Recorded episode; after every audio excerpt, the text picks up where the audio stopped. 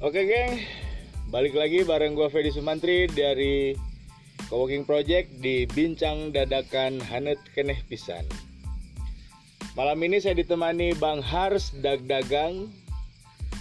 Mari kita berbincang dengan beliau eh, terkait dunia dagang, bisnis dan eh, fenomena eh, mendadak dagang di tengah pandemi ini. Bang Hars, selamat malam. Ya, selamat malam. Oke, eh, penglihatan Bang Hars sebagai aktor dari pelaku bisnis sendiri juga eh, entrepreneur muda sekaligus juga eh, pebisnis properti. Oh, yes. Dan kiranya bisa berbicara terkait dunia bisnis dagang di tengah pandemi di tengah wabah corona ini terutama terkait fenomena hampir semua lini membidik dunia dagang terutama dagang online di tengah keterbatasan interaksi sosial di tengah keterbatasan eh, aktivitas lainnya. Monggo Bang Har pandangannya. kalau dipandang-pandang sih ya pasti jauh lah, jauh eh, dari kehidupan normal sebelumnya. Walaupun nanti ada new normal kan. Nah, new normal juga belum saya benar-benar pahamin. Bicara tentang pandemi, semua terdampak dari semua lini, mau pengusaha, mau freelancer atau pegawai negeri sekalipun semuanya pasti terdampak. Nah, saya pun sama bergerak di bidang jasa eh, di samping sebagai konsultan juga Kak, saya mendadak dagang yang tadinya dagang jasa yang menciptakan eh, olahan-olahan untuk didagangkan. Kemarin bulan puasa ya tentunya untuk bekal lebaran gitu kan. Seenggaknya pengeluaran puasa juga bisa 2 sampai 3 kali lipat. Kayak gitu. Dari pandemi tersebut ada beberapa hal yang bisa kita lihat yang tadinya orang bisa keluar rumah tapi ada kebijakan dari pemerintah untuk di rumah saja. Nah, di dunia online shop, di bisnis online shop itu bisa eh, bisa dimanfaatkan. Bisa dimanfaatkan pandemi tersebut menjadi keuntungan buat mereka. Yang tadinya hanya menggunakan marketplace itu hanya sebagai pengguna tapi di teman-teman UMKM saya pun banyak banyak dari mereka yang mendalami online shop online shop. Nah sebelumnya saya juga sudah pernah ngobrol sama Om Pedi ya tentang ini tentang eh, yang yang dagang tuh yang dagang kayak kuliner gitu kan. Orang tuh malas ke rumah. Dan seperti yang dibilang Om Pedi yang namanya di rumah aja otomatis masak masak sendiri kan. Hmm. e, nyangu nyangu sendiri sama ngagodok kopi juga mungkin ninyu sendiri ya Om Pedi. Oke.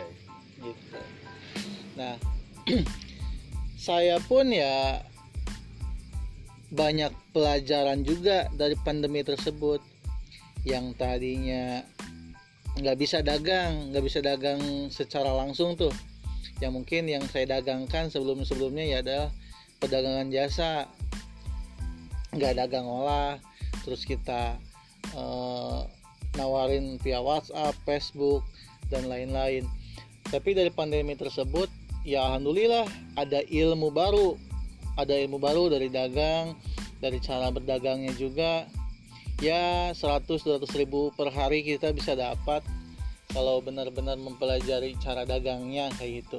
Nah, yang saya lakukan pribadi nih di bulan puasa kemarin, saya dagang kurma.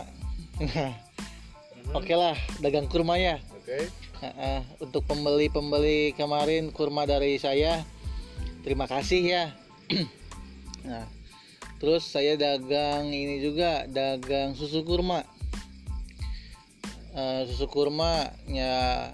Nah, yang berbedanya saya menciptakan pasar sendiri. Maksudnya pasar sendiri gimana? Menciptakan pasar sendiri gitu. Seperti ini, Om. Yang saya jual, yang saya jual itu adalah kurma Golden Valley ya. Oke. Yang pada umumnya itu kurma dijual 35.000 Mhm. sampai 30 30.000 sampai 35.000 rupiah. Mhm. Tetapi untuk melihatnya ketatnya persaingan di bulan Ramadan berjualan kurma, Mhm. tentunya saya harus berinovasi bukan? Betul. Berinovasi untuk eh, berjualan kurma beda dari yang lain kayak Hmm. gitu.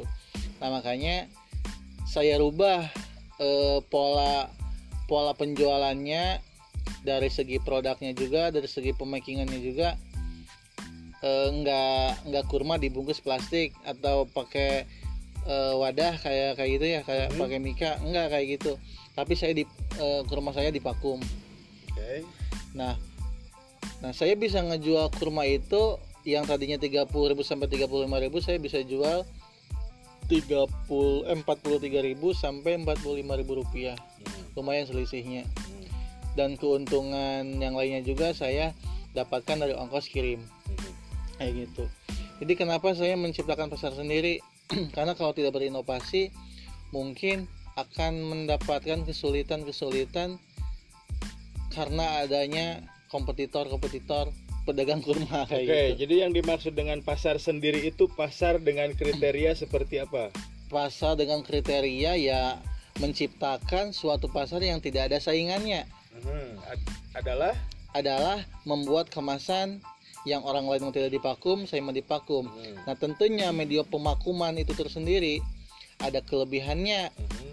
Yang pertama, kurma lebih awet dan kedua, rasanya pasti jauh lebih enak. Mhm. Dari segi penampilan jauh lebih menggoda kayak Oke. gitu.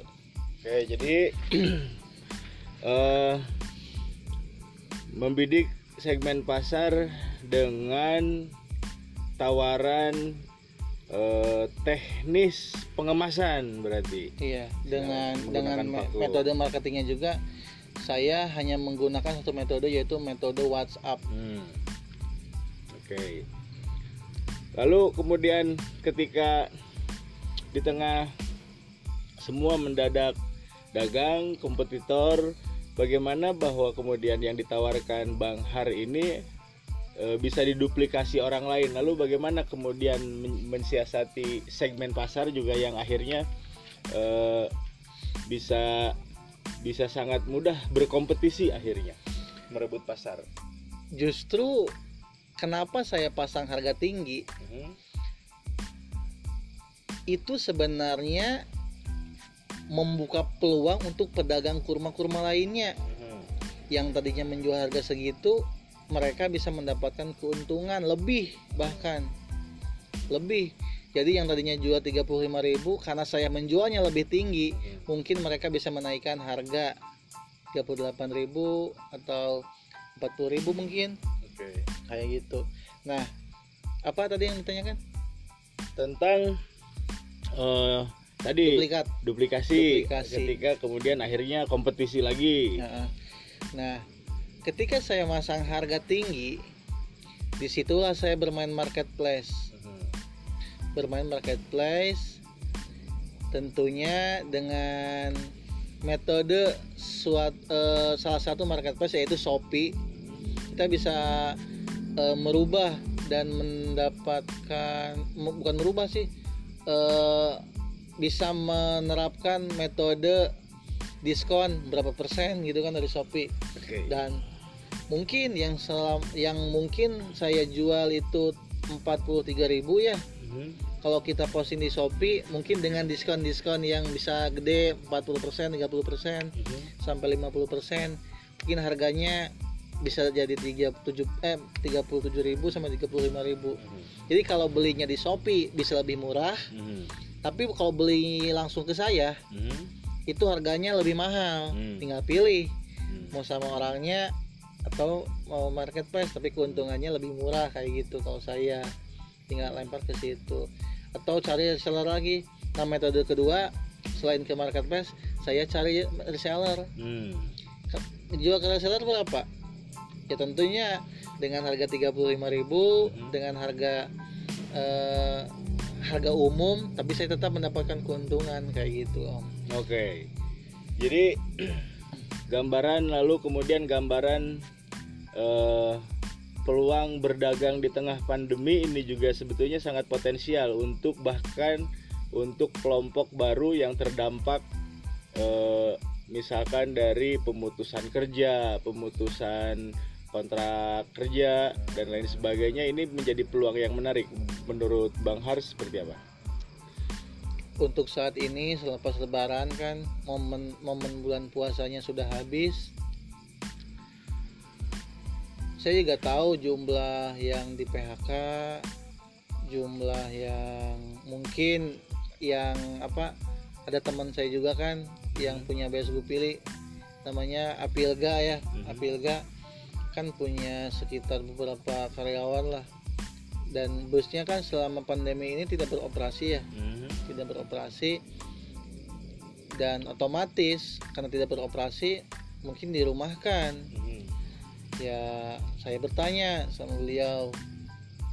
Terus itu yang yang apa yang libur gitu kan karena busnya libur ngapain aja di rumahnya? Ya kalau yang ada sawah ya sawah kalau yang nggak ada sawah mungkin eh, kerja serabutan kayak gitu. Untuk peluang-peluangnya mungkin ya karena saya juga di rumah aja ya Om. Mhm. di rumah aja. Kalau melihat media sosial media sosial. Kalau melihat media sosial sosial ya. Gimana ya om? Saya juga belum bisa menjawab Oke, untuk itu. berarti eh, apa namanya? Hmm, eh, belum tampak belum bahwa tampak. kemudian dagang menjadi pilihan alternatif buat buat teman-teman yang kebetulan eh, sudah di PHK, malah belum Uh-uh, terlihat itu belum ya. terlihat. Sebagai sebagai pakar konsultan bisa menjawab itu? sebagai pakar konsultan bisa menjawab itu Hmm. biasanya sih kalau Hmm. saya Mhm.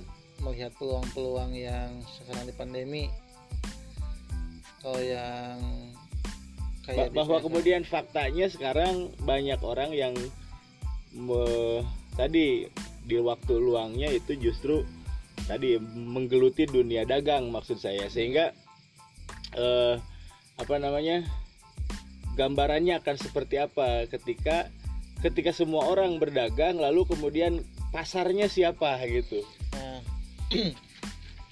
sebetulnya sih kalau ngelihat mereka berdagang, berdagangnya pedagang apa, terus yang dipilihnya jualannya seperti apa. Nah, untuk ben- dari bentuk sinergitas yang sering diobrolkan ya, sering diobrolkan di mana pun. Kayak kemarin kan, eh, eh, saya juga sempat ngobrol sama sama beberapa elemen yang dari eh, pemerintahan, dari eh, para pengusaha, dari ada ada yang dari pemerintahnya juga lah. Ya model UMKM UMKM yang ada di Majalengka ini ya daripada daripada kita pergi ke pasar tradisi eh pasar apa namanya? Modern gitu kan? Mhm.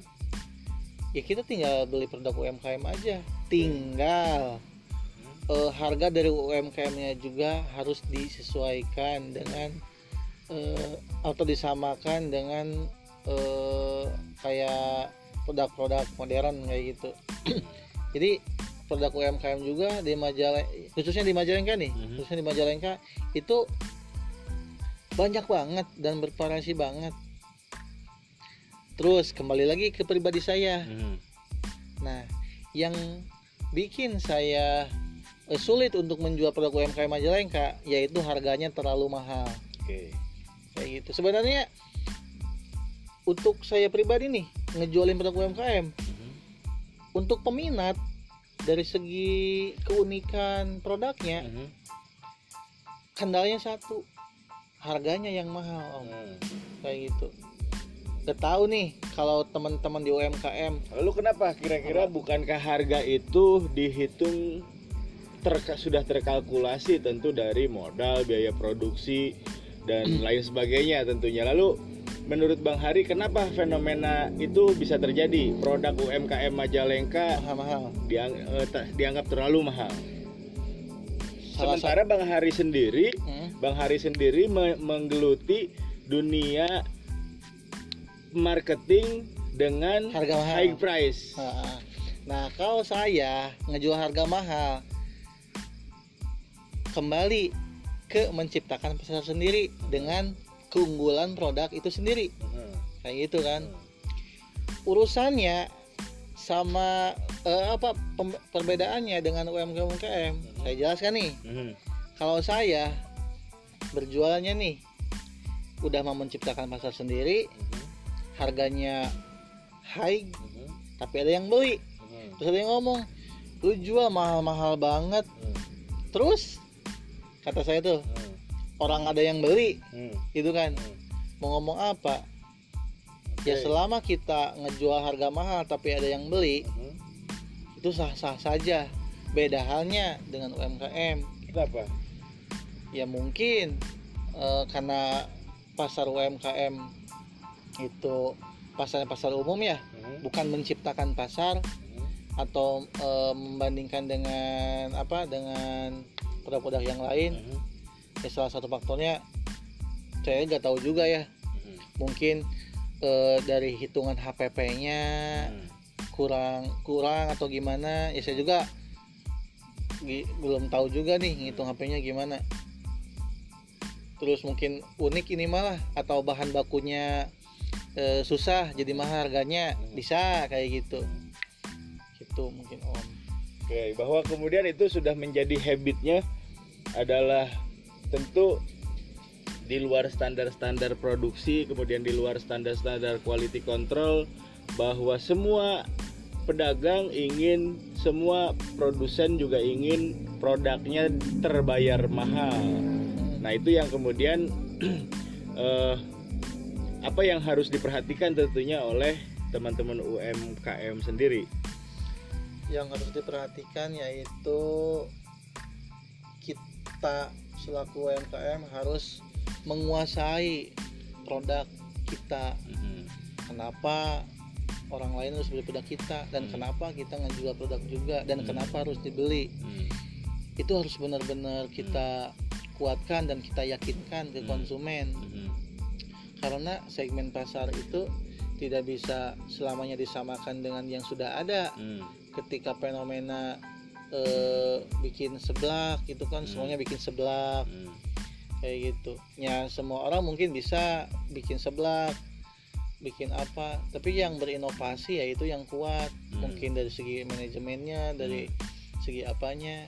Ya mungkin harus banyak belajar harus banyak eh, sharing Hmm. sama sama apa non namina teh?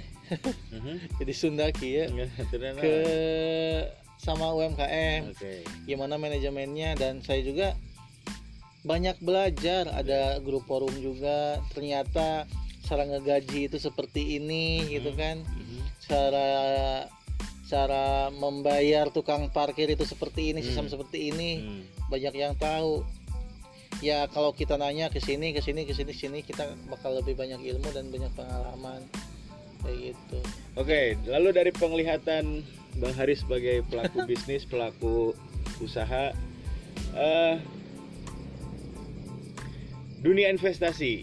Lalu di tengah pandemi ini, apa yang menjadi menarik untuk pribadi-pribadi berinvestasi di tengah pandemi ini kira-kira apa yang eh, layak menjadi inve- menjadi eh, bidikan investasi? investasi gimana maksudnya om Investasi artinya inve- in- berbagai hal investasi. Apakah kita investasinya ke eh, berupa produk atau ke berupa activity atau ki- waktu yang ada kemudian energi yang ada di tengah pandemi ini diinvestasikan di dunia apa yang menjadi menarik menurut Bang Hari? untuk saya pribadi karena peraturan dari pemerintahnya harus di rumah aja Hmm? Yang saya investasikan selama ini ya adalah eh, konsep ke depan setelah Oke. pra pasca ini pasca Hmm. pandemi Adalah berarti adalah belajar Oke. yang sering kita bicarakan Oke. daripada kita gimana gua nggak nggak pugu di Mhm. jalanan Mhm. atau di luaran ya mending kita lihat-lihat video pembelajaran kayak Hmm. gitu punya pembelajaran Hmm. terus belajar lagi bikin bikin ini menginvestasikan eh, kalau yang senang kuliner Mhm. eksperimen bikin apa bikin apa kayak gitu sampai enak kayak gitu yang bisa dijual dan bisa repeat order kayak gitu Oke. untuk Berarti investasi diri Mm-mm. terkait knowledge, pengembangan wawasan, keterampilan dan lain sebagainya. Ya. Lalu terakhir eh, pesan-pesan dari Bang Hari buat teman-teman pelaku sesama pelaku bisnis, sesama pelaku usaha eh, di tengah pandemi ini apa yang dapat disampaikan, Mangga? untuk saya pribadi eh, saya inginnya sih dari dulu juga kita bisa bersinergi bisa bersinergi udah ada beberapa bahasan udah ada beberapa penyampaian yang saya sampaikan dulu bahwa kita itu khususnya di daerah Majalengka itu sudah komplit om Mhm. ada komunitas yang bisa acting Hmm. ada komunitas yang bisa ngedit video konten kreator kayak gitu udah ada grupnya Mhm. terus ada UMKM-nya Mhm. dan ada marketingnya Hmm. reseller kayak gitu nah sebenarnya empat elemen ini bisa disabu bisa di bisa dikolaborasikan tentunya kolaborasi tersebut itu bisa menguntungkan Mhm. mungkin dari komunitas acting teman-teman yang bisa yang yang dari UMKM bisa ngebayar Mhm. atau yang acting juga dikolaborasikan dengan konten kreator Mhm. biasanya sih yang udah bisa acting bisa mereka ada konten kreatornya biasanya Mhm. nah kenapa eh, em, kita bisa untuk untuk hal itu kita tidak bersinergi oke lah di tengah pandemi ini kita ngomongin soal promosi Mhm. eh kita sekarang butuhnya duit Mhm. gitu kan Mhm. tapi pasca pandemi kalau kita berinovasi mungkin dari segi iklannya dari Iya. segi pengembangan produknya dan orang lain tahu kan kita jualan juga gak mungkin di satu kota aja kan Iya. pengennya sih nasional atau internasional kayak gitu kan Iya. nah makanya saya pribadi itu eh, membuat membuat apa ya membuat kesibukan sendiri membuat konten-konten Hmm. membuat konten-konten kayak promosi produk sendiri Mhm. kayak gitu membuat company profil sendiri kayak Oke. gitu jadi kita selaku UMKM bisa bayar sama yang bisa kreator kayak Mhm. gitu nah UMKM juga dapat keuntungan bisa membuat eh, video promosi iklannya atau Mhm. apanya Mhm. dan marketingnya bisa jualan produk UMKM UMKM Mhm. dan cara promosinya dari hasil kreator teman-teman kayak Oke. gitu om jadi semuanya kita bisa bersinergi bisa kerjasama bareng gitu om itu saja sih mungkin om Siap. Baik. Sekian bincang dadakan bersama Bang Hars Dagdagang. Eh, sampai ketemu di bincang dadakan lainnya Hanet Keneh Pisan. See you. Assalamualaikum.